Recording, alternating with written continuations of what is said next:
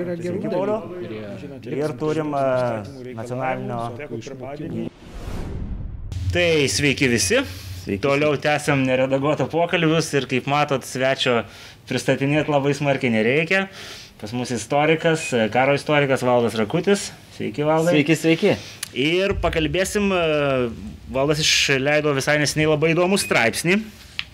Ir jisai realiai pa- padiktavo te, temą. Tai, sakykime, taip būtų galima ją pavadinti konservatizmo paieškos Lietuvos istorijoje ir konkrečiai kalbėsim apie 18 amžių ir kokias pamokas jisai, tas amžius ir tos e, realijos e, gali mus pamokyti šių dienų e, Lietuvoje. Tai valdai, pradėkim gal nuo pradžių. Kalba eina apie tai, kaip Lietuvoje gimė politinės partijos ir galima sakyti visą istorinį laikmetį yra pažiūrima per jų prizmę, kaip jų kovos prizmę. Tai papasakokit plačiau, kas ten dėjosi. Na, žmonės visada e, grupavosi pagal interesus, pagal giminystę, e, pagal tam tikras ka- karjeros skaičiavimus ir e, tas pasakymas, kad 18 amžiuje mes turim politinės partijas yra kvestionuotinas ir visą laiką atsiras, sakys, ką iš čia šneka. Čia kažkokie šalininkų grupuotės ir, ir, ir visa kita. Bet aš manyčiau, kad būtent 18 amžiuje atsiradusios dvi tokios grupuotės, jos išlaikė ilgą laiką tiek savo struktūrą, tiek sudėti, tiek tam tikrą prasme programas. Ir tai yra bet kokiu atveju daugiau negu 17 amžiaus grupės, kurios, na, tiesiog buvo kažkokį interesą turėjo bendrą. Klausimas, ar šiandien partijos yra partijos, yra tik tai grupuotės. Žinau, kad dalis politologų tikrai sakytų, kad mes užstrigę tam laikotarpiu. Jo, tai bet kokiu atveju ten, e, reiškia, 18 amžiuje, aš manau, atsiranda tikrai dvi labai aiškios grupės ir e, nepaisant visokių ten perbėgėlių, kurie iš vienos į kitą perėjo, jos išsilaikė šitos grupės, sakyčiau, iki ketverių metų Seimo. Tai yra keliasdešimt metų. Pakankamai ilgas laiko tarpas.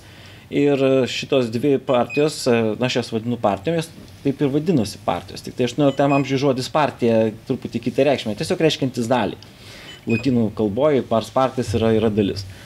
Ir viena iš jų, e, vadinamoji familija, jinai yra susijusi su keliom giminėms, tai su Čertoriskiais, e, su, e, su, su, su, su Panetovskiais, e, ten paskui dar Masalskių giminė buvo prie, prie jų prisijungus ir daugiau. Tai buvo tokia partija, kuri orientavosi į tokią bendravakarietiškas vertybės, nes vis tik apšvietos amžius jau ateina tuo metu. Ir, ir, ir jie tiesiog na, nori modernizuoti valstybę. Visom prasmėm modernizuoti valstybę, padaryti ją šio laikišką, efektyvę, e, puikią. Na, aš ilgą laiką tikrai jaučiausi jai prijaučiantis kaip istorikas ir man visą laiką tas labai patikdavo. Jie būtų galbūt artimi šių laikų liberalams, e, o reiškia kita grupė, taip vadinamieji patriotai, e, dar vadinti reiškia etmonų, e, etmonų grupuotė ir e, taip pat respublikonais dar save vadinantis. Jie yra labiau orientavosi tokias tradicinės bajoriškasias vertybės, žiūrėjo tokio tradicinio gyvenimo būdo e, ir buvo labai iš tikrųjų populiarūs šitie žmonės. Nes 18 amžiuje iš vis įsivyravo tokios labai perdėm konservatyvios idėjos, e, kurios sakė, Respublika yra tokia puikia valstybė, kad ten nieko keisti jokių būdų nereikia. Čia nuo 17 amžiaus jau, jau, ėjo šitą liniją. Toks labai anti, antireforminis judėjimas, jeigu būtų galima pasakyti. Ir, ir, ir, ta, ir tikrai mūsų kraštas atsidūrė tokiuose keistuose pasirinkimuose. Viena pusė liktai būtų labai pažangi ir viskas būtų tvarkoje, bet neturi labai didelio krašte palaikymo, o kitigi turi tą palaikymą, nu, bet negalima užstrikti, reiškia, tas 18 amžius iš tikrųjų buvo bėda, tenai nebuvo gerai, ypatingai vidury, ypatingai valstybinių požiūrių. Tokiu būdu, reiškia, šitos dvi grupės, jos tapo labai geras, e, gera forma užsienio valstybėm e, paremti vieną arba kitą partiją, pasiekiant, kad nieko nebūtų iš esmės pakeisti. 1732 metais buvo pasirašyta tokia trijų juodųjų erelių sutartis tarp Prūsijos, Austrijos ir Rusijos, kuri iš tikrųjų ir buvo mūsų valstybės silpnėjimo priežastis, nes jos sutarė vieną kitai netrukdyti, veikti iš vien, kad Respublika neišeitų iš to, sakykime, bejėgiškumo būsenos, kurioje buvo. Na nu, ir aišku, ten per laiką keitėsi kai kurie dalykai, bet iš esmės buvo laikomasi šitų nuostatų. Na tai ten Austrija su Prūsija ten pakariaudavo tarpusavį ir, ir žinoma taip ne, ne viskas buvo, bet Rusijos ta tokia globa jinai buvo gana juntama. Ir tikrai nebuvo jokia ten absoliutiška ir, ir negryžtama, kaip jau visi sakė, jau Respublika jau tikrai nepakils. Ne, buvo dar tikrai galimybių.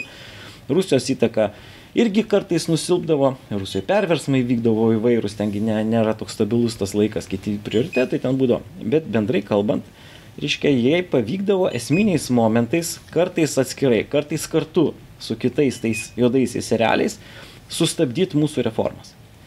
Na ir 1744 e, metais tos abi partijos apsijungė tam, kad įvykdyti išdo reformą ir padidinti kariuomenę, Na tai ten tiesą sakant jau pačiu juodžiausiu būdu nuperkant kelis deputatus, čia šiuo atveju Prūsija pasistengė, reiškia, ir tas, tas, tas pavojus praėjo. Ir po to, tiesą sakant, šansų kažkokiu būdu legaliais būdais tą valstybę reformuoti nelabai ir buvo. Tai va, tai čia toks. Tai čia liberum veto buvo pagrindinis trukdys, ar čia buvo dar kažkokių tas reformų trukdžių ir ką, ką iš tikrųjų ten labiausiai reikėjo reformuoti, nes nu, yra įprasta istorijos vadovėlis skaityti, kad buvom atsilikę nuo, nuo, nuo kaiminių valstybių. E, klausytojai matyt būtų įdomu, kuo konkrečiau mes ten buvom atsilikę ir kur tos pagrindinės problemos buvo. Nes e, yra tokių e, pasakymų, kad abiejų tautų Respublikos konstitucija buvo labai demokratiška ten ir panašiai, tai kartais teisininkai šiais laikais parodo pirštu, tai bet iš to iš, iškylo matyti ir visa problema. Liberum veto buvo viena iš silpnųjų vietų. E, bet e, čia tiesiog dėl to, kad buvo galima mažumai e, vetuoti daugumos sprendimus.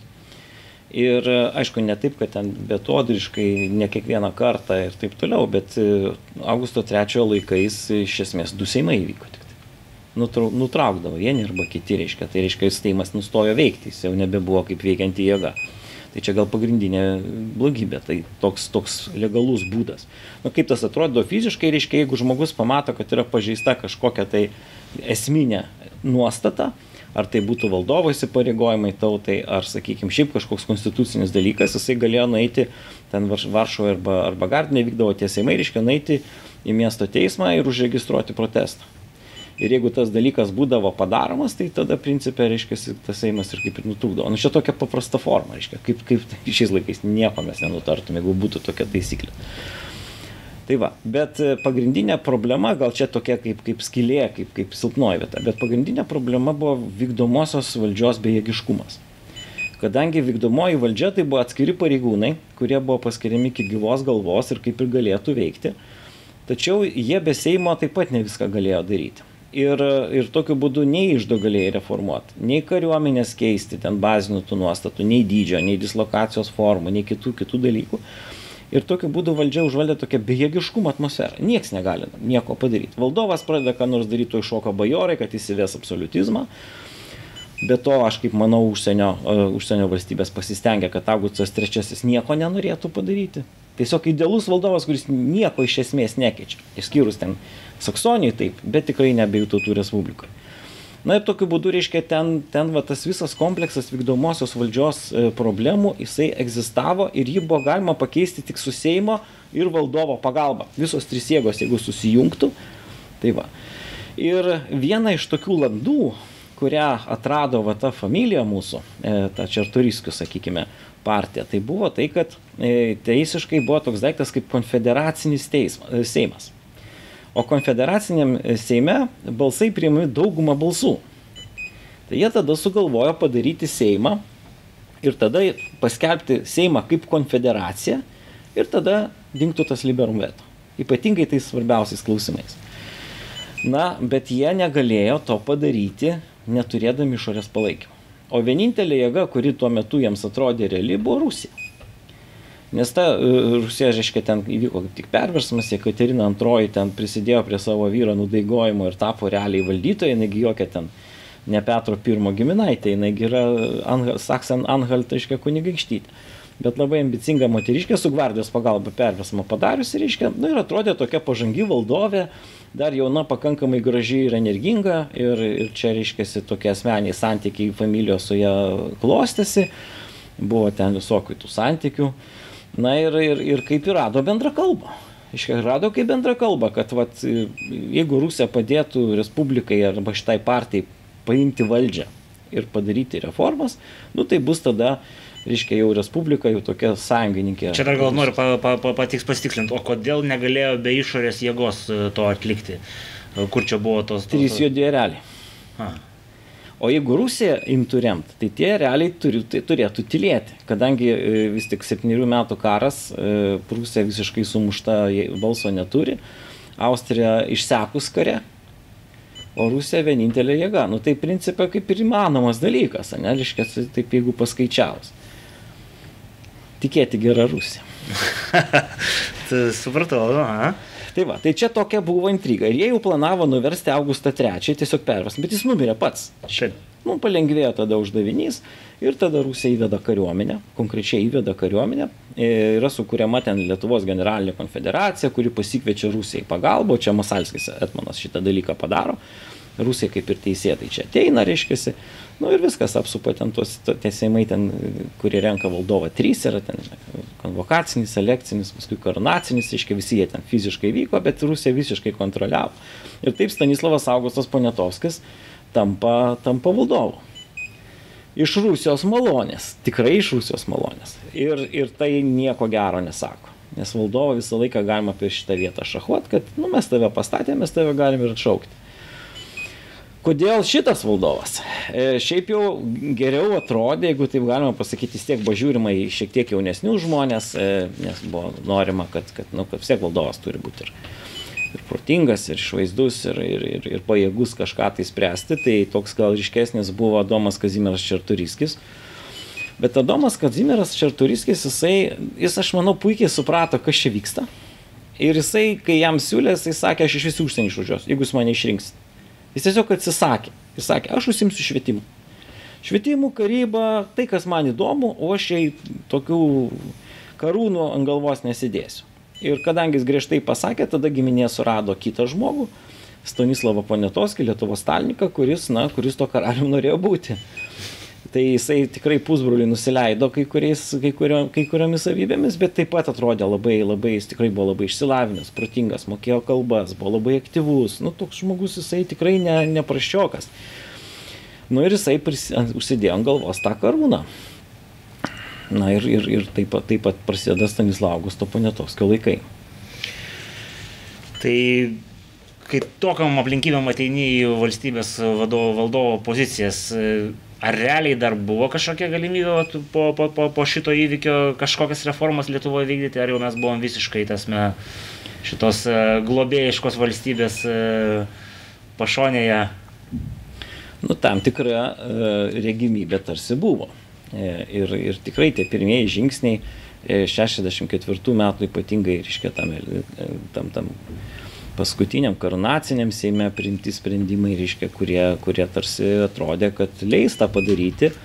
Na ir kūrė ten kadetų mokyklą, sukūrė 65 metais dvi komisijas, išdo ir karo, reiškia, atsiranda tokios kaip ir Seiminės institucijos, čia atitiktų mūsų komitetus dabar pagal savo e, teisinį statusą, bet vis tik tai yra kolektyvinės grupės, tai reiškia jau vienas žmogus negali visko spręsti, turi kažkokią grupę ten, pastatyti tų komisijų vadovais tokie familijos žmonės, kuriais buvo galima pasitikėti, kurie taip pat atrodė labai perspektyvus, perimta krašto kontrolė, reiškia, ten sukurtos visokios įgulos. Tai vienu žodžiu, šitas dalykas, kaip jisai ir pradžioje vystosi visiškai žmoniškai. Labai paminėtinas 66 metų Seimas, kada na, priimami įvairūs, įvairūs nutarimai. Na ir čia Adomo Kazimiero Čertoriskio iniciatyva pavyko tokį, e, nes vis konfederaciniai tiesimai būdavo, reiškia, mm. bet tokį priėmė tokį nutarimą, kad išdo klausimais e, iš principo galima balsų daugumą visada spręsti.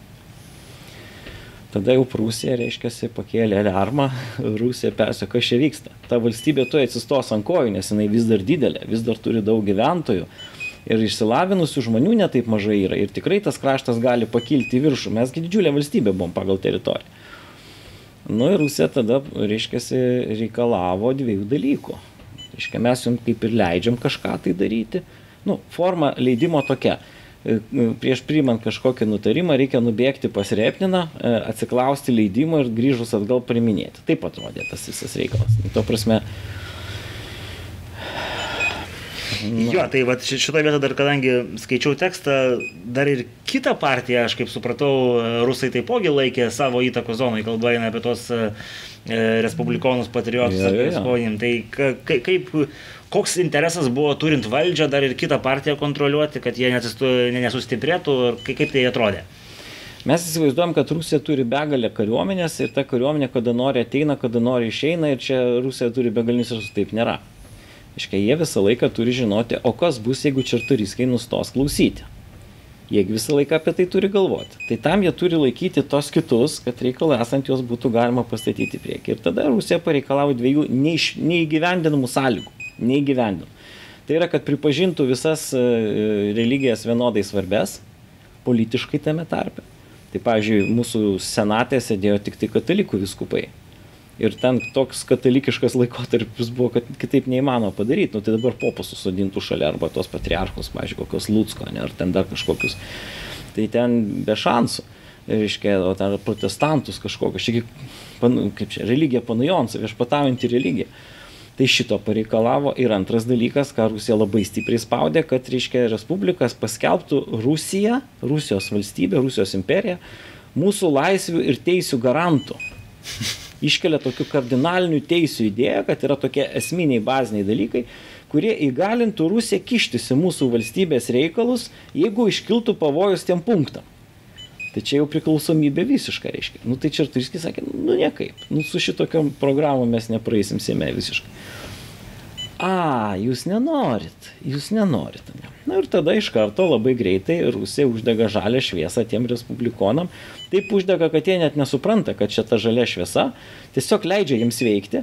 Na, o pavyzdžiui, toks Karolis Stanislavas Radvila, kuris su ginklu rankui kovojo prieš Čerturiskos, mes tokį mikrokarą čia turėjom Lietuvoje ir Lenkijoje čia vyko tam tikri dalykai, tokie nu, tarpų valdžio kovos. Iškia, tai tas varšas Karolis Stanislavas gyvena Dresdenė, iš jo atimti dvarai, bet niekam netiduodami. Nu, laikinai ten administruoja. Na nu, ir iš karto sako, klausyk, gal norėtum. Grįžti. Grįžti. Į dvarų savo. Na, nu, su sąlyga, kad tu tapsi šito viso judėjimo galva ir darysi, ką tau liepsi. Nu, tai įsivaizduoju, kad žmogus valdo penktadalį Lietuvos čia tokio dydžio dvarai buvo, reiškia. Nu ir jam tai pasiūlo. Nu tai ką, jisai, jisai kaip ir grįžta. Nu kadangi toks lyderis, tada visi puola visas patriotiškai, nu, patriotų tą partiją puola iš karto remti. Taip atsiranda ta Radamos Lusko konfederacija, dėl to dviem pavadinimais, nes radome yra Lenkijos, o Lietuvos Lutskė centras. Ir iš kairė ten susirenka ir taip toliau, jau čia dabar, ten žinot, tos konfederacijos darosi pradžioje regioninės, paskui jau nacionalinės, paskui jau ta generalinė abiejų tautų. Tada jos apsupa kariuomenė ir sako, žiūrėkit, o dabar jūs pasisako dviem klausimais. Dėl šitų religinių lygybių ir dėl, ir dėl, dėl garantijos. Ne? Nu tai jie ten dėl tos garantijos iki galo gal ir nepasisakė, bet iš principo, reiškia, buvo priversti patvirtinti rusų šitos reikalavimus. Tokiu būdu Čerturiskių reformų kryžius, reiškia, ten ne visai kryžius gavosi, ten kai kurios pavyko realizuoti, bet iš esmės jie tapo bejėgiai. Tokiu būdu sustabdė tos reikalus. Tai čia dar buvo ir 68 metų Seime daug kas priimta, reiškia, tai, tai, tai jau tas buvo sustabdyta. Iš dalies, realiai, jau sustabdytas reformų judėjimas. Nu, bet tie sukilę žmonės taigi suprato, kad juos apgavo. Aiškiai, kaip taip gali būti. Tai paskui visai neužilgo 68 metais iš esmės tie patys žmonės, arba didžia dalim tie patys, jie sukuria baro konfederaciją, kurios Rusija nebekontroliuoja, jie mhm. praranda kontrolę, prasideda, reiškia, tokia, nu, toks karas, formaliai netgi pilietinis. Formaliai pilietinis, nes šitie, reiškia, sukilėliai kariauja, nu, skamba taip, už šventą katalikų tikėjimą prieš Rusiją ir prieš Stanislavą Augustą Ponetovskį. nu va, nu ir ką, reiškia, kraštas kyla tarsi dvi dalis. Aišku, tie visi Stanislavo Augusto Poniatovskio šalininkai, jie nelinkia čia kariauti, čia labai negeras karas. Nu tai, pavyzdžiui, tas pats vat, Domas Kazimieras išvažiuoja į Paryžių, nu, kad toliau nuo viso to reikalo, reiškia tenai. Nu, bet koks nors tenai, reiškia, ten toksai Lietuvos lauko, šitas artilerijos generolas Branickis, jisai pamato čia galimybę padaryti karjerą. Ir čia vadovauja Respublikos daliniams prieš konfederatus karas išsiplėskia, reiškia. Čia atsiranda kas? Pradeda Prancūzija remti šitą karą. O kurią pusę, ar abi pusės, ar kaip? Baro konfederacijos. Mhm. Čia atkeliauja du, du, du toksai, to, tokie du pulkininkai čia veikia. Vienas iš jų toksai e, pulkininkas Diumurie, paskui bus labai garsus revoliucijos e, generolas, reiškia. Na ir Turkija, ten po ilgų svarstymų, reiškia, nusprendžia paremti, pradeda Rusijos Turkijos karas. Tai kitaip sakant, konfliktas šis įsiboja į tokį rimtą regioninį karą, nu kaip ir yra šansų. Yra šansų laimėti. Nu tai ten ta prancūzų pagalba tokia labai, labai distancinė reiškia, bet, nu, bet vis tiek reiškia, yra toksai dalykas, o kas dar žino, kaip kokia valstybė sureaguos, o kaip Saksonija sureaguos. Juk saksai, jeigu dabar nuversti Stanislavą Augustą Poniatovskį, galėtų pretenduoti tarsi čia į sostą, ne, jie, jie, bet rusėjams sako, nelyskite šitą reikalą. Ne. Nu ir jie va taip taip pat laikosi tokiam. O tai pavyzdžiui, tų pačių turkų arba prancūzų, kokie jų buvo interesai? Jie čia susilpninti Rusiją kažkokią vidinę kovą ar, ar kažkokių blaivesnių interesų jie turėjo? Prancūzai turėjo Liudviko XV laikais tokią idėją, jie atskūrė tokią globalinę diplomatinę sistemą, labai panašiai kaip dabar gal Britai turi panašiai, kad reiškia, jie žiūrėjo tokios pusiausvyros. Ir jeigu čia kažkokia nesąmonė, tai jie tiesiog įlenda, truputį pafinansuoja silpnesnę pusę ir pradeda reikalauja, kad su jais skaitytųsi. Tai nėra labai nuoširdus reikalas, bet vis tiek, reiškia, nes prancūzai iš tikrųjų stipriausia valstybė tuo metu pasaulyje. Ir, ir nu, čia aišku, Britai man atsakytų, nu, pala, pala. pala. nu, bet, bet, reiškia, kontinente vis tiek. Tai tokiu būdu, reiškia, čia prancūzų toks interesas, bet jis ribotas. O turkų interesas, nes juos pastoviai austrai su rusais spaudžia, visą 18 amžių stumė, o jiem čia proga. Reiškia, ir jeigu jie išstoja, tai jie dėl dviejų priežasčių. Dėl tam tikrų regioninių kovų, ką jie ten prie Jodosios jūros pakrantės, nes jie kariauja, kad Jodoji jūra liktų Turkijos žinioj. Ir tuo pačiu nori, kad liktų Respublika. Nes jeigu Rusija sodina, nes jie nepripažino Stanislavos Toponiatovskio nuo išrinkimo datos, visiškai ignoravo, jo daug kas iš vis nepripažino ir Europai nelabai, kaip asmenį, bet ne kaip valdovą ir dažnai mūsų interesų atstovavo Rusijos ambasada. Čia jau, jau mes buvom patekę į tokią diplomatinę kalbą aiškę priklausomybę. Nes, na, nu, diplomatinis pasaulis labai aiškiai pasako, kas yra kas. Ir tokiu būdu, reiškia, turkai dabar pradeda šitą visą kovą ir jinai mums iš tikrųjų svarbi, nes Rusija su Turkija turi kariauti labai tempus jėgas, nes tai yra toli, geležinkelių nėra, ten, ten nieprų visokių nepaplaukėsi. Tai vienu žodžiu, ten tas karas kaip yra. Bet kur silpnoji pusė? Tiek Respublikonų partijos, tiek ir Baro konfederato, kad jie neturi jokios aiškios programos. Bet jeigu familija turi aiškę programą, turi savo tam tikrus susidėliojusius prioritetus, ką jie nori padaryti, mokesčių kryptį kariuomeniai, reiškia iš vis krašto pertvarkime, tam tikros socialinės sistemos sukūrimo, nes tai yra iš tikrųjų labai stipri partija ir stiprų žmonės, kurie joje yra. Nu tai su respublikonais, nu, nu, nu tai vad jie turi tos tris, prieš ką jie kariauja turi, o už ką tai nelabai yra aišku. Ir tas neiškumas, aiškiai, padaro, jos tarpusiai pradeda ten kovoti, frakcijos, kiekvienas bando save iškelti, neturi iškaus vieno tokio lyderio, ten kažkoks partizanas įsiveržia, kaip toks ten, ten Kosakovskis, reiškia, įsiveržė ten į Lietuvą. Nu, toks padaryti šau, reiškia, ten lekia, ten rusai jų nepagauna, ten, ten, nu, vien žodžiu, ten didelis triukšmas. Tas pats Mykolas Kazimieras Oginskis, jisaigi familijos yra, na, akivaizdus statytinis Lietuvoje Nu, bet jo, jo, reiškia, patriotinės nuostatos kitos. Tai ką daro Lietuvos kariuomenė baro konfederacijos metu? Nieko. Sėdi ir taip tarsi nieko nevyktų. Čia tie kariauja tarpusai, rusų kariuomenė čia vaikšta, reiškia, jie taip sėdi. Nu, bet iki tam tikro laiko, paskui pradeda jau vis tiek rusai supranta, kad čia kažkokia jėga. Ir išprovokuoja 71 metais ir Auginskis, reiškia, padaro manifestą, tarp kitko labai gražų manifestą, labai įdomi, ten patriotiškai pagrįsta, kad jis kaip krašto etmonas negali leisti, kad svetima kariuomenė čia viską darytų, reiškia, ir taip toliau. Nu ir va, jie stoja, įstoja į kovą, reiškia, ten vieną mūšį prie Bezežo laimi, o, o Stolovičiuose visiškai pralaimi, reiškia, ir, ir, ir, ir tragedija, reiškia, ir subyra viskas, ir visą gyvenimą jisai buvo mušta korta, tiesą sakant, šitas žmogus. Nes, nu, kaip išdavė savo partiją ir, ir, ir dar pralaimėjo mūšį. Čia dar vad norisi paklausti, kadangi jau paminėjot e, Repeną ir buvo, žodžiu, klausimas iš, iš mūsų žiūrovo, tai koks jo buvo tikras vaidmo šitame visame procese? Ar jis buvo tas Rusijos statytinis čia, kuris viską valdė, ar, ar dar kažkokių funkcijų asmeninių interesų? Nu kaip, Jekaterina turėjo keletą labai stiprių figūrų, jie tokie kariniai civiliniai būdavo, pas juos negali išskirti, reiškia, jis ir generolas, bet jis tuo pačiu metu ir gubernatorius, ir gali būti ambasadorium ir visų kitų, tai jie tokie, kaip čia pasakyti, gal tik tu žodis prižiūrėtojas. Jis prižiūri šitą valstybę, prižiūri ir visi taip elgesi, bet jis irgi yra prižiūrimas. Rusija visą laiką, Jekaterina turi labai, nu, tokia, nu, va, toks Putinas yra, ne, kažkas tokio ten yra. Iškiek kontroliuoja tą, tą žmogų. Jeigu jis ten kažką pradeda per daug savarankiškai elgtis, neklauso, ne, nepadaro, kas jam aiškiai yra pasakyta, jis yra keičiamas kitų, tai reiškia, šalia jo yra keli konkurentai, kurie atidžiai seka, ką jis daro. Jo, jo, jo, ir jeigu ten, ir ten skundžiai, reiškia tokia sistema, ten koks Rygos gubernatorius, ne, jau stebi, kas ten Varšuvai vyksta. Nu, tokiu būdu jinai visą laiką tą žmogų laiko po, po, po po, po šautų, jeigu taip galima sakyti. Nu ir Repninas jai labai tinka. Aiškiai, Repninas puikiai, jisai labai gerai pažįsta, jis buvęs Rusijos ambasadoriu, man atrodo, ir anksčiau jisai pažįsta šitą kraštą, pažįsta žmonės, grupuotės, silpnybės. Reiškia, ir tokiu būdu šitas žmogus, tai jisai vat, būtų toks prižiūrėtojas, aš šitaip vadinčiau. Ir labai charakteringa, kad valstybės žlugimo arba sunaikinimo momentu jis vėl yra statomas į pareigas. Tas pats mhm. žmogus, tai reiškia, jisai turi labai gerą nu, pasitikėjimą aukšto lygio. Pasiteisino, žodžiu pasiteisino visiškai. Na, Rusijos ta, ta, ta, ta, ta kultūra, jinai tuo metu yra tokia, tokia mums labai svetima, bet jinai efektyvi. Nes Rusija tikrai sustiprino Jekaterinos laikais savo įtaką Europai galingai. Tai va čia, čia yra ir kitas klausimas, e, du galbūt tokie klausimai, kurie susiję, tai gal pradėkim e, nuo Jekaterinos. E, klausė žiūrovas, ar Jekaterina būtų antroji mirus porą metų anksčiau, ar realiai būtume turėję kažkokių šansų? Taip, visiškai pritariu. Nes tokioj, reiškia, hierarchizuotoj valstybei kaip Rusija, tas valdovas, tengi tų valdovų 18 amžiuje daugiau buvo. Taigi Petras I, tai mes jį taip geriau žinom, bet buvo Jekaterina ir pirmoji, ir, ir Elizaveta Petrovna, reiškia.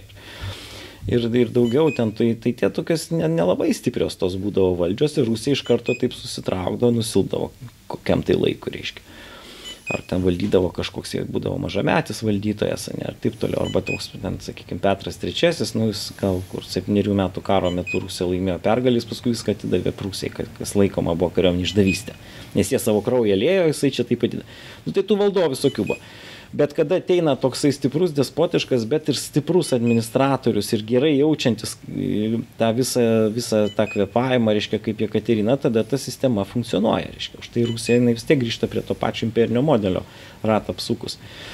Tai aš manau, kad jeigu jinai būtų, nes jos sunus, e, Pavlas I buvo labai nemylimas jos, ir jisai viską darydavo priešingai negu, negu motina. Tai gali būti, kad būtų kaip su Petru III ir, ir Prūsija, reiškia. Atsigavęs būtų atgal.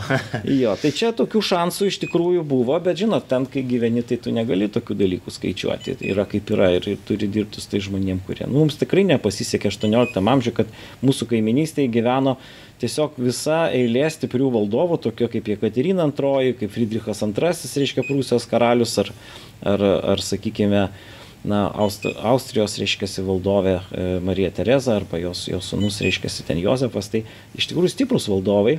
Ir, ir tokiu būdu čia su savo tokia keista valstybinė santvarka, kurios valdovas yra pasodintas priešingų jėgų, yra labai sunku kažką padaryti. Labai sunku, labai mažas manevro laisvė, labai maža. Tai va čia prie to pačio matyt reikėtų paklausti, jeigu žiūrint į tą sąlygų išsidėstymą, kuris jau buvo, ar buvo kažkokių taktinių klaidų, kurios e, netgi būnant Jekaterinai II Rusijos e, valdovė, žodžiu, būtų buvę galima išlaviruoti. Čia va, kitas, e, kitas, žodžiu, klausytojas klausia, kas būtų, jeigu karalium būtų tapęs jūsų minėtas Adomas Kazimieras Čertoškis? Aš manau, kad nieko labai kitaip nebūtų buvę, nes jis neturėjo visiškai motivacijos būti tokiu statytiniu. Aš manau, kad būtų turbūt panašiai kaip Augusto III laikais kažkokie švietimo projektai gal ten ir judėtų ar, ar dar kokie tai, bet šiaip iš principo ten neipatingai. Nes Augusto trečiojo strategija buvo tokia, na, įdomi ir jisai tiesiog nieko nedarė. Tai nieko nedarimas nesukelia jokių pasiekmių ir tokiu būdu taip status quo kaip ir gyvena. Tai, pažiūrėjau, daugelio bajorų vertinimo Augusto trečiojo laikai buvo laikomi geresni negu Stanislavos Augusto monetos. Nors tas nieko nedarė, o, o reiškia, Čertoriskiai darė ir, ir tikrai tą, ką reikėjo daryti. Čia jiems jokių priekaištų negali būti, jų reformų planas yra fantastiškas. Tai va, bet e, e taip, pavyzdžiui, viskupas Masalskis. Jis iškart sakė, sakė, Rusija yra galinga, mes jos neįveiksim ir mums dabar nereikia užsiimti jokiais šiandien e, dideliais dalykais, darykim tai, ką mums leidžia, dirbkim prie kultūros ir tokiu būdu išgyvensim, reiškia. O paskui gal pasikeis laikai, tai gal tada kažkaip kitaip. Tai aišku, čia šiandien skambėtų labai nepatriotiška ir, ir žinom, kad įgi pakorė e, viskupą Masalskį Vilniaus, bet e, Nu, bet jeigu kalbam apie alternatyvas, tai mes jau galim surasti daugiau tokių alternatyvų. Bet žinot, galėjo Baro konfederacija laimėti, galėjo turkai sumušti rusus, galėjo pasisekti prancūzam, nes ten lemiamų momentų pasikeitė, reiškia, Liudviko 15 meilužė ir pasikeitė premjeras ir pasikeitė visa politika. Tai va čia. Čia ir kitko prie to pačio buvo dar klausimas, kas būtų buvę, jeigu mes būtume ginklų priešinėsi pirmajam padalinimui. Ar, ar buvo tos galimybės? Tai jis ir buvo. Baro konfederacija yra akivaizdus karas už laisvę. Visiškai. Bet ar dar kažkoks aukštesnė pavara buvo įmanoma tuo metu? Na, Nebuvo, ja? Ne. Aš man teko dalyvauti Lenkijoje tokios diskusijos, buvo ar laikytina Baro konfederacija pirmoji sukilimu. Tai taip vieningos išvaidos ir nepriejo. Reiškia, pagal tam tikrus kriterijus iš tikrųjų panašu į sukilimą, bet pagal formas tai vis dar yra senoji tokia bajoriškoji grupuotė, kuri siekia kokiu tai savo interesų, nesugabanti pasiūlyti programos tokios nacionalinės visai valstybei, kur būtų pasakyta, už ką kariauja. Ne prieš ką, bet už ką. Ir netgi ten sunku pasakyti, kas tie vadai yra. Ten, ten oficialiai vienas, realiai kitas, reiškia, ten tos grupės frakcijos tarpusavį kovoja. Labai įdomus yra prancūzų to generolo, tuomet pulkininkas buvo, Diumurie pastabas, kad, nu, ne kažką čia. Sunku kažką. ne kažką čia apie, apie, apie mus. Apie mus, aiškiai, kad, kad nėra tų tokių, yra kai kurie protingi, bet negali, tie, kurie gali, gal nelabai supranta, ką daro. Nu, tai vienu žodžiu toks kritiškas gana požiūris ir kažkuria prasme jisai tiesus yra, nes e, problema ta, kad Respublikonų partija neinvestavo labai į savo, į savo protą. Bet jeigu familija, reiškia, siuntė savo jaunus žmonės į tikrai pačius geriausius centrus, nes iš kur jie daug ką žinojo, taigi jie praleidė užsienį daugybę laiko. Visi, visi jų jauni, gabus vyrukai ir merginos, tarp kitko, gaudo labai gerą išsilavinimą, todėl jie tą programą galėjo padaryti. O respublikonai, nu, nelabai ten investavo, nu, ten kaip Karolis Stanislavas Radvila, nu, tai, nu, geras žmogus, nu, bet, bet, bet ką jisai baigęs, ką jis, ką jis moka, ką jis, reiškia, jis, jisai puikiai gali balių padaryti, labai pamilėti atėjusi bajorą, nes jisai moka su juo šnekėti, reiškia, bet, bet, bet kai reikia programas, nu, reikia kažką tai pasiūlyti. Aš galėjau būti valdovų niekaip. Neužtenka. Tai va čia yra tokia problema. Tai iš tos pusės, vadinasi, ta, ta Respublikonų partija nelabai turėjo ką, ką, ką pastatyti. Nu taip, nu kita vertus, jie ilgą laiką bendradarbiavo su dvaro partija. Va, bet čia vienas dalykas, kurio ne, neaptarėm jūsų straipsnį, yra ir tokia partija dar minima. Jo, jo, jo, ir Augustas III laikė Respublikoje savo partiją, ten jai vadovavo įvairių žmonės, nu, tokia ilgą laiką tokia e, Mnišakų, reiškia, tokia magnatų grupė ten, ten buvo. Bet šiaip atstovaudavo toks, toks šitas Briulis, ten toks premjeras, kaip, kaip ir premjeras, jis čia toks ministras, reiškia, būdavo. Tai, tai jie žiūrėdavo tą jėgų balansą ir vieną ir kitą partiją truputėlį palaiko tai jie labiau favorizavo iš esmės tą, tą Respublikonų partiją. Tokiu būdu jie turėdami dvaro palaikymą, Respublikonai galėjo realiai kontroliuoti kraštą, nes res, familija nevaldė Respublikos iki 63 metų. O dabargi jau kitaip, na ir jiem tada trūksta to, to, to statuso. Nes vis tiek, aiškiai, tie kurfirstai Saksonijos, jie buvo legalūs valdovai, priklausė Romos imperijai, tai ten kažkur dalyvavo kokiuose tai Reichstagos ar dar kažkur iškia. Tai, čia mūsų tas statusas valstybinis labai krito, nes Augusto III, nors jam irgi ateiti valdžią padėjo Rusija, nu bet jis su juo buvo skaitomas. Nu vis tiek tai yra teis, teisėtas valdovas, ne kažkoks teisingai gimęs, reiškia turintis ten, ten statusą, herbus, susigiminiavęs su daugeliu dvarų, kur galima išnaudoti tos. O čia reiškia jau, jau kitaip. Čia jau statyti. Bet tai iš to, ką jūs e, pasakojate, toks susidaro vaizdas, kad ta demokratiška tam laikmečiui sistema e, tapo, galima sakyti, e, tuo inkaru po kaklu šitai valstybėje, abiejų tautų respublikai. Nu, kaip pasakyti, aš norėčiau tą labai akcentuoti, kad jeigu šitai sistemai, tokių absoliutinių monarchijų, reiškia, iškilimo laikotarpiu tikrai mes atrodėm prastai ir ta distancija tolydžio augo, tai pačiam amžiaus pradžioj dar mes visai, visai dar, dar, dar pilnai galim, galim būti palyginami su kaimynais. Amžiaus vidury ne kažką, o amžiaus pabaigoje mes vėl esam labai tinkami. Todėl, kad tas respublikoniškas valdymas, jisai paskui peraugo į tą, į tą kitą visai bendru visuomenę, kuri jau labai moderni čia va tas efektas kad mes buvom čia tarsi pačioj uodegoj o čia pagal konstituciją mes tarsi pirmi europoj kaip čia yra reiškia žmonėm tai atmest klaidą ar čia mes tokį progresą padarėm? Ne. Tos pačios savybės mūsų visuomenės kurios absoliutizmo epochoj mums tikrai nepadėjo tai tam jau sakykim na prancūzų revoliucijos e, epochoje kaip tik didžiulis privalumas. Reiškia, mes turime iš esmės pilietinę visuomenę arba nu, didelę dalim pilietinę, ko negali jokia Prūsija savo net įsivaizduoti. Tai čia vat yra tokie dalykai, todėl kartais nereikia iš karto nurašyti, kad mūsų visuomenė čia tokia beviltiška visai. Taip, Rusijos, Prūsijos, Austrijos požiūrių tragedija nėra su ko šnekėti. Iškia, kažkokia tokia, va, kažkas kažkaip vyksta, ten tos konfederacijos, liberum veto, nesusi, tai ten nėra, nėra tokių dalykų, ten pas juos yra aiškios institucijos, kurios vykdo konkrečius nurodymus, tie valdovai dažniausiai pakankamai yra protingi ir gerai organizuoti ir darbštus, reiškia, tokiu būdu tos organizacijos valstybės taigi kyla į viršų, bet dažniausiai savosios visuomenės sąskaita. Bet va čia va, aš noriu paklausti, iš kur mes, e, tasme, kaip regionas, e, su, tasme, perėmėm, ar čia patys išradom tą dviratį, tą liberum veto ir tą tokią demokratišką sistemą, tą konstituciją. E, kaip, kaip čia taip nutiko, kad aplinkui buvo absoliutinės monarchijos, o mes čia pradėjom viduje kažkokią nu, jauną demokratiją brandyti? Nu, jos nebuvo absoliutinės. Reiškia, 17 amžiuje valstybių valdymas, kad ir ten buvo monarchai, ir ten kaip Vokiečių imperijoje kažkokie kunigaikščiai, tai nebuvo jau toks labai didelis skirtumas nuo mūsų. E, ta prasme, nes jie nebuvo absoliutus tie valdovai. Ten dar šalia jų buvo kažkokie tai seimai, dažniausiai lokaliniai nu, lantagai kažkokie tai, ar, ar ten kaip jie vadinasi, reiškia. Įvairios, reiškia, institucijos, kurios turėjo kažkokius senas teises ir jos ten, nu, pavyzdžiui, ten Austrijos imperija, aš nežinau, kiek ten tų parlamentų buvo. Nu, ta prasme, ten visi turėjo savo tam tikras teises ir tas valdovas, jisai turėdavo manipuliuoti.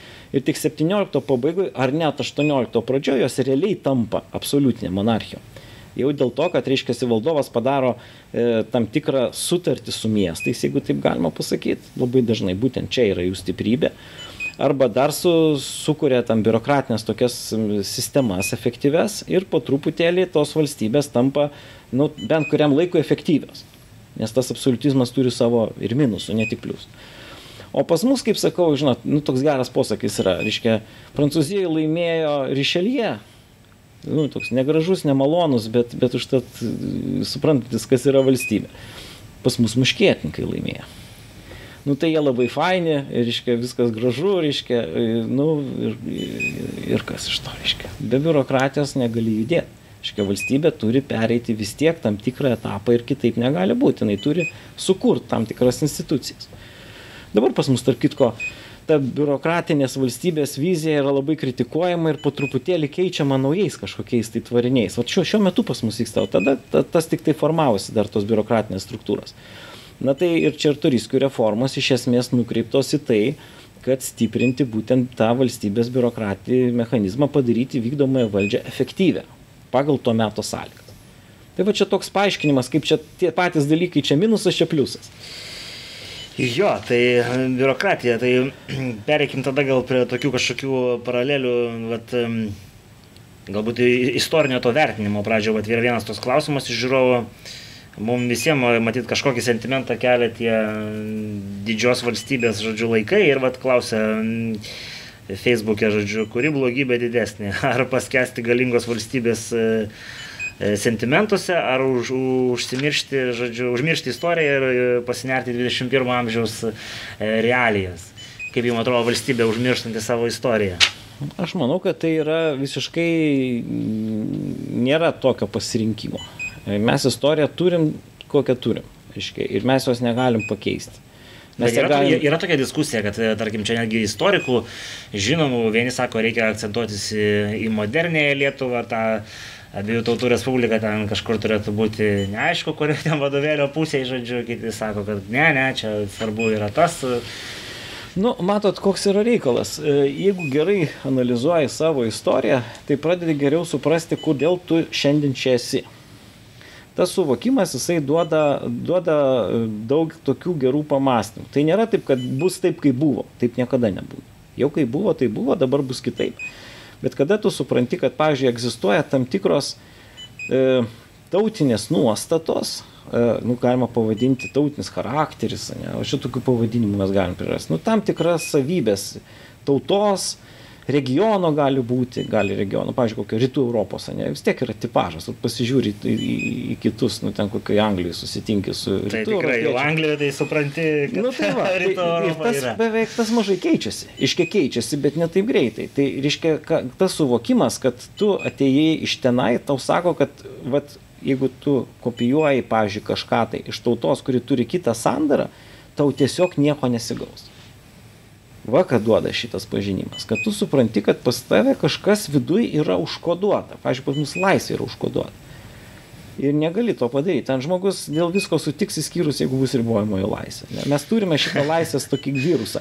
Tai va, kai tą supranti, tada ir, ir aišku, kad, pavyzdžiui, absoliutinė monarchija pas mus niekada nebus populiari. Niekaip. Reiškia, šitam kraštui reikia Seimo, tai paskui ten pjauna jį visi atsisėdę, reiškia, bet jisai reikalingas.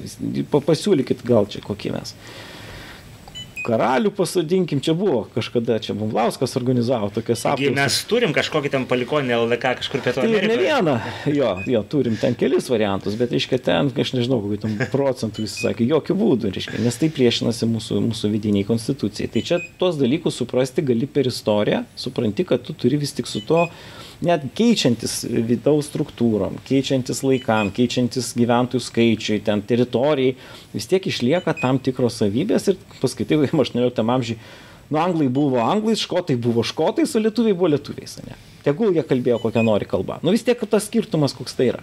Tai tas suvokimas istorijos, jisai leidžia būti sėkmingesniam, kuriant ateitį, nes tu turi vis tiek suprasti, kad tu neperauklėsi žmonių taip greitai. Neparimesi. Tarp kitko, vieno Lietuvos Lenko sugirdėjęs tokią nuomonę, kad vat, jūsų minimų laikotarpiu e, tikri lietuviai kalbėjo lenkiškai, o tikri lenkai lotyniškai. Ar tai buvo? Iš tikrųjų tai nei taip, nei taip. E, Dėl to, kad ta kalba, kurią kalbėjo tie žmonės, jinai nebuvo vien lenkų kalba. Jinai turėjo daug įvairių tokių priedų, pavyzdžiui, labai daug latinizmų. Ypatingai 18 amžiaus pirmoji pusėje, tai tiesiog ištisai, be latinų kalbos nelabai suprasi, kas ten parašyta. Pavyzdžiui, kariuomenė buvo germanizmai ištisai. Visa nu, su saksų kariuomenė, kadangi buvom kartu, tai tiesiog perėjo labai daug terminų. Ir taip toliau. Prancūzų kalbagi tuo metu irgi yra pakankamai populiari didikų tarpė. Tai ta prasme kalba iš tikrųjų, nes tai yra globalizmo kultūra. 18 amžiui egzistuoja va, tas globalizmas, kurį mes dabar turim, kažkuria prasme buvo 18 amžiui. Vat jeigu, nežinau, teko kada žaisti kazokai, toksai žaidimas kompiuterinis yra. Ne, neteko. Nu, ten kareivėliai visokie. Tai kai pasižiūri, reiškia, didžioji dalis tų kareivių vienodi. Vienodi visose tautose, nes visur toks, toks pats standartas egzistavo, reiškia. Ten jeigu pažiūrėsim kokio 19 pradžios, tai ten jau visai kitos tos uniformos margos. Aišku, kiekviena tauta turi ten savo kažko, bet iš esmės egzistuoja toksai suvokimas, kad pasaulis turi, arba bent Europą, kaip tuo metu suprantama, tai yra kažkoks bendras standartas ir taip toliau, ir mes turėtume būti tokie, ta vat, kosmopolizmo šiokia tokia, tokia atmaina. Jinai, jinai egzistuoja labai akivaizdžiai 18 amžiuje. Už tai panašus tas amžius į mūsų. Tai čia, aišku, norisi paklausti pabaigai, matyt, kaip tam lietuvių charakteriui ir galbūt ne tik lietuvių, bet ir kitų, tasme, tautų rytų Europoje ar centro, rytų centro, centro Europoje, e, Europos integralėjimas. Ar, ar tasme, čia kažkaip tai prieštarauja mūsų charakteriui, ar mes e, lengva pasiduosime į tą biurokratinį mechanizmą vardan kažkokio efektyvesnio valdymo, kuris irgi kvestionuotinas, ar tikrai toks pasiekiamas. Aš manau, kad taip, už tai, kad e, na, mes negalim užsidaryti, mes bendraujam, mes dabar labai stipriai bendraujam. Mes labai stipriai bendraujam. Tokio bendravimo, kad tiek žmonių judėtų per sienas ir, ir važiuotų ir gyventų, vėl grįžtų, tai mes natūraliai, reiškia, einam iš paskos ir dar priklausom Europos Sąjungai, tai dar, reiškia, čia ir tiesiogiai, ir direktyvos, ir kiti dalykai, ir, ir to nesustabdysi. Tas procesas jisai yra akivaizdus. Bet e, kitas klausimas, reiškia, kad kiek, po kiekvienos tokios globalizacijos bangos paskui ateina nacionalizacijos banga. Nes jeigu mes pažiūrėtume į prancūzų revoliuciją, reiškia, ir kas ten toliau vyko, reiškia, ir taip toliau, tai ten yra susikūrę jau tos nacionalinės valstybės. Mes turim romantizmo bangą, kuri, na, jinai kaip ir tęsia 18 amžių, bet kai kuriais atvejais tarsi į priešingą pusę eina. Kaip tik domisi tautų dvasia, tenai kokiais tai dalykais žmonės ten pradeda save su viduramžiais tapatinti, muzika atsiranda nacionaliniai, daug, daug, daug dalykų. Tai aš manau, kad mes dabar gyvenam toje, tokioj, tokioj reiškia, liberaliosios demokratijos bangoje, kuri e, sukuria daug teigiamų dalykų. Iš karto reikia pasakyti, kad atneša labai daug gerovių ir, ir išlaisvina ten dvasę ir kūrybą. Ir, nu, mes turime išmokti džiaugtis to, ką turim, bet jinai tuo pačiu metu pagimdo kaip ir savo kritiką. reiškia, kaip ir savo kritika, tai yra gimda naują kultūrą, kuri kažkuria prasme tęsia tą patį, bet yra tarsi prieš. Ir vėl jinai pragyvens kažkokią, kažkokį laikotarpį, vėl ateis panaši banga. Jeigu niekas nesutrukdys. Nes mes, kaip žinome, iš 20 amžiaus, tai mūsų besivystančią kultūrą dažnai pertrukdavo kažkokie globalūs reiškiniai, kurie ten viską pakeičia ir, ir mes vėl... Čia kalba eina apie karą. Nu tai taip, tai čia, nu tai tas karas bus, nebus, čia niekas nepasakys, bet, bet faktas tas, kad, reiškia, tai, bet jeigu ta sistema vystosi laisvai, be, be tokios labai didelės intervencijos ar sukretimo, tai jinai vis tiek gyvena tokiam bangom. Nu kaip ir, e, nežinau, kultūros, meno stiliai, jiegi vienas kitą keičia ir tarsi kritikuoja prieš tai buvusi, bando jį ten kažką prieš padaryti, bet iš tikrųjų tęsia tą patį. Tai čia toks yra ir, ir inovacijos, ir, ir tradicijos toks santykis visą laiką. Tai kitaip sakant, aš manau, kad mes iš tikrųjų kokiam 17 pabaigoj, tai mes kažkur tai ten prie turkų labai. Ne, toks labai, labai toks sarmatiškos idėjos, tokie labai tokie, kažkokie net klausė ten kiti, ar čia Europą iki galo, čia gal nelabai Europoje, čia kažkas tokio į tą pusę. Tai 18 amžiuje kultūriškai mes labai stipriai vėl grįžtame į Europą ir, ir bent jau, bent jau idėjiniam nuostato mes, mes tampam vėl Europos dalis. Tai tas, tai va tai dėl to negalima ir pavyzdžiui šių mūsų dienų tai pasakyt čia juoda ir balta ir jokių būdų, reiškia, ir turi būti skirtingos nuomonės, tam yra ir Seimas, tam yra partijos, reiškia, kurios atstovauja skirtingus interesus ir skirtingas pasaulyje žiūrės, reiškia, kad tokiu būdu, na, būtų galimybė visą laiką būti ten, kur geriausiai, kad rinkėjas turėtų galimybę pasirinkti. Tai šiuo atveju ten tie rinkimai irgi būdavo, tik tai tiek, kad tie rinkimai, reiškia, mūsų, mūsų ten, tas, sakykime, reformų klausimas labai akivaizdus, jisai paskui labai greitai pasuko į kitą, yra nacionalinio intereso klausimas. Nes mūsų reformos mums padarė e, jau taikiniu tų pačių trijų realių, todėl kad e, pradėjo akivaizdu darytis, kad gali sustiprėti šitą valstybę. Tai jūsų manimo, jeigu būtume išlaikę tokį, tą vadinamą low profilą, nedidinę kariuomenės, žodžiu, ten ir panašiai, tai tos šalis mūsų nebūtų suvalgę. Aplinkybės. Nebūtinai tai priklausė jau nuo kitų dalykų, nes, e, pavyzdžiui, Rusija visą laiką buvo linkusi palikti Respubliką tokią plaukiančią, nes jinai pati ir kontroliavo ją per savo institutus, o, pavyzdžiui, Prūsija visą laiką rūpėjo teritorijos. Nes jinai buvo maža valstybė su didelėm ambicijom, jai reikėjo tiesiog gyventojų, tiesiog teritorijų ir jinai visą laiką spaudė, reiškia, kad reikia greičiau čia dalintis. Tai čia Rusija yra teisi, kur sakė, kad jinai prilaikydavo mūsų padalinimo procesus. Ilgą laiką palikdama tokia tarsi. Ir todėl, reiškia, toksai teiginys, kuris rėžia ausę, nes šviesiausia imperatorė. Tai buvo labai nuoširdus dalykas 18 amžiuje. Nes ją žiūrėjo kaip į Respublikos gynėją prieš Prūsiją. Ypatingai ten didžiosios Lenkijos regione ir visur kitur. Nes o ką daryti, jeigu, pavyzdžiui, Prūsai ten ką nors blogo padaro ant Vyslos žečių, per ką įdavo pagrindinė Lenkijos, o ir dalies Lietuvos, reiškia, eksporto nu tai Rusijai skūstis. Čia baisų dalykai. tai pačiai pabaigai paklausiu, ko mes galim pasimokyti kaip valstybė iš to aplinkinių valstybių kišimosi 18 amžiuje į, į, į vidaus reikalus, nes akivaizdu, kad ir dabar yra tam tikro kišimosi, galbūt ne iš tiek atskirų valstybių, kiek daugiau iš, e, tasme, e, organizacijų, kurios, kuriuom priklauso ir, ir, ir tam tikros naratyvai yra primetami. E, kaip laviruoti tokiam politiniam laukiam? Na, reikia iš tikrųjų suvokti tas jėgas. Ir nereikia e, su jomis eiti į labai stiprias kovas, jeigu tam nėra tikrai būtinybės. Bet nereikia visai užsileisti. Nereikia tikėtis, kad jie paims ir čia viską už mus padarys. Tikrai nepadarys. Nes kiekviena valstybė, jinai turi savuosius interesus. Ir, ir, ir jinai bus, ir jinai supranta, ir kad mes turim savuosius interesus. Bet jeigu mes jau nesugebam jų apginti, arba patenkam į tokią juridinę padėtį, kad mes nebegalim apsiginti taip, kaip su ta Rusija buvo, kada, reiškia, Čerturiskai įsivaizdavo, kad jie kontroliuoja padėtį. Jie nekontroliavo padėtį. Tai Revdinas kontroliavo padėtį su Jekaterina. Tai va šitas dalykas yra blogas, nes tada iš tikrųjų mes tampam, nu mūsų valgo vis tiek, vienokiu ar kitokiu būdu, reiškia. Tai, tai, nu, tai, tai aš sakyčiau, kad reikia tokį rasti vidurio kelią. Tam yra diplomatija, tam yra, yra, yra reiškia, dėrėjimasis, ieškojimas sąjungininkų, paremimas. Taip, ten visą laiką. Reikia... Paklausiu tokią nepolitkorektišką klausimą. Kas tie pagrindiniai valgytojai va dabar yra, kurie galėtų suvalgyti mus tiesiog ir perkeltinė prasme? Nu, čia nemažai yra tų visokių interesų, kurie norėtų mūsų valgyti, tai čia reikėtų jas išvardinti dėl tas jėgas. Tai e, aišku, kad e, Rusija labai akivaizdžiai demonstruoja e, apetitus į mūsų teritoriją. Tai čia be jokios abejonės ir, ir aišku, Baltarusija dabar irgi nėra didelis mūsų draugas, Lukašenkinė Baltarusija. Tai čia akivaizdžiai yra tas didžiausias. Bet ta ne Lukašenkinė Baltarusija nebus rusiška Baltarusija? Čia, čia irgi yra atskiras klausimas. Jo, nu, sunku pasakyti, reiškia, Baltarusija kartais įdomiai taip, taip elgesi ir kas žino, gal, gal, gal dar jie irgi iš, išgyvens, to labiau, kad na, ir Rusija ne vietoj stovi, ten irgi būna stiprus valdovai, būna nelabai stiprus valdovai, tengi pas juos irgi niekas nestovi, akmeninė iškalta. O kitos jėgos tai yra, yra įvairios, tai mes turime ES e, labai aiškias, reiškia, vertybinės orientacijas, kuri, kuri tą labai nuosekliai stengiasi, reiškia, na, sukurti tą tokią europinę erdvę.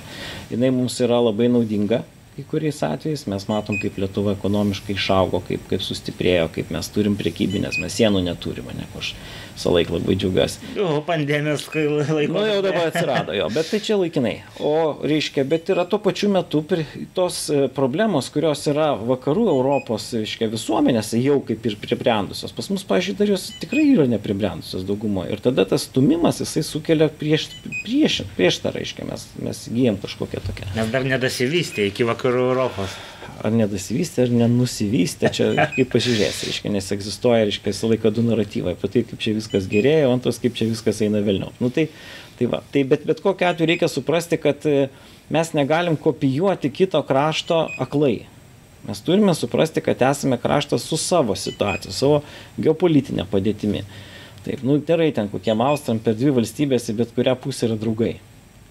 Tai jie no, gali... Pavyzdžiui, kokiam prancūzam iš vis ten nesuvokiama, kur mes čia gyvename. Na, nu, jiems gal svarbiausia Šiaurės Afrikos kažkokie tai dalykai, ne? Nu, pas mus, kai mes esam tarp Baltarusijos ir Rusijos, nu, tai čia išskysti nelabai išeina ir pagal geogra geografinę padėtį mes labai artimi Izraeliui, kuris yra tarp arabų ir arabų. Ir, ir, ir, ir dar tokių ten visokių kitokių Iranų netoli esančių ir taip toliau. Nu, tai natūraliai ta valstybė jinai turi turėti tokią, nu, sakyčiau, net militaristinę kultūrą, nes, nes jie tiesiog yra mobilizuojama tauta, bet kuriuo atveju. Tai mes labai turim suprasti, kad čia turim savo smegenis turėti ir mokėti savo prioritetus atsirinkti. Ir man visą laiką imponuoja Izraelio valstybė, kuris sugeba ir išlikti demokratiškai, ir atstovėti savo, ir, ir reiškia, kultūriškai vis tiek arčiau Europos yra, ir, ir išlaikyti tą tokį ryšį. Ir tuo pačiu būti savo regiono lyderiu. Nu, bet tai va, tai mums reikia turėti savo smegenis. Pagrindinis dalykas. Bet kada. Ir niekada neužmiršti, kad, reiškia, netikėti vien gerais dėdėmis. Iškia reikia savos, savos struktūros. Ir man šito požiūriu labai imponuoja Lenkija kai kuriais atvejais, kurią tikrai neblogai pažįstu, kuris sugeba tą savo nacionalinę tapatybę išlaikyti, reiškia, jinai visą laiką buvo kažkuria prasme pavyzdys ir mes galime kai kurių dalykų pasimokyti. Bet ar Lenkijos dydis savaime nėra tas dalykas, kas jiems suteikia tam tikro svorio? O todėl ir turi jie dydį, kad turi suvokimą. O mes labai dažnai, reiškia, kažkaip galvojam vis kažko, tai kad neturim tokios, tokios, reikia auginti tą, tą vidinę jėgą visų pirma. Mes ją turim tą jėgą, mes ir turėjom, ir turim, ir turėsim tą jėgą, bet mes turime vis tiek, na, negriauti tų jėgų, kurios mums leidžia auginti tą jėgą. Nes jeigu mes skirsim galvas tiem, kurie, reiškia, stiprina valstybę, o, o reiškia, visą paramą teiksim tiem, kuriem ta valstybė visiškai nerūpi, jie turi kokius tai tik tai savo partikuliarinius interesus, tai mes greitai tą valstybę nusilpinsim. Čia labai paprastas dalykas. Yra arba stiprini ją, arba nestiprini.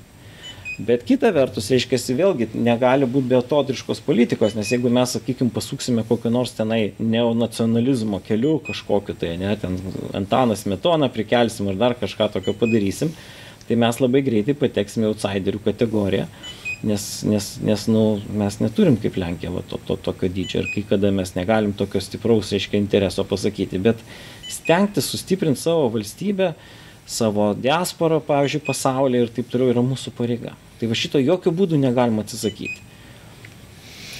Tai manau, aišku, norėčiau dar paprovokuoti, kad mes turim dar abiejų tautų respublikos perspektyvą, bet šitą gal palikim, kad žiūrovom nebūtų per daug sunku jau.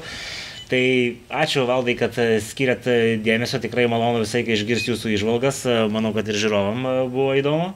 Tikiuosi ne paskutinį kartą. Ir ką tada, dėkui visiems, kurie, kurie ištvėrėt, dėkui visiems, kurie remėt, kurie dar ne, nepamirškit, kad galite tai padaryti ir netgi skirti 1,2 procento gyventojų pajamų mokesčio. Ir ką susimatom kitose epizoduose. Iki. Iki.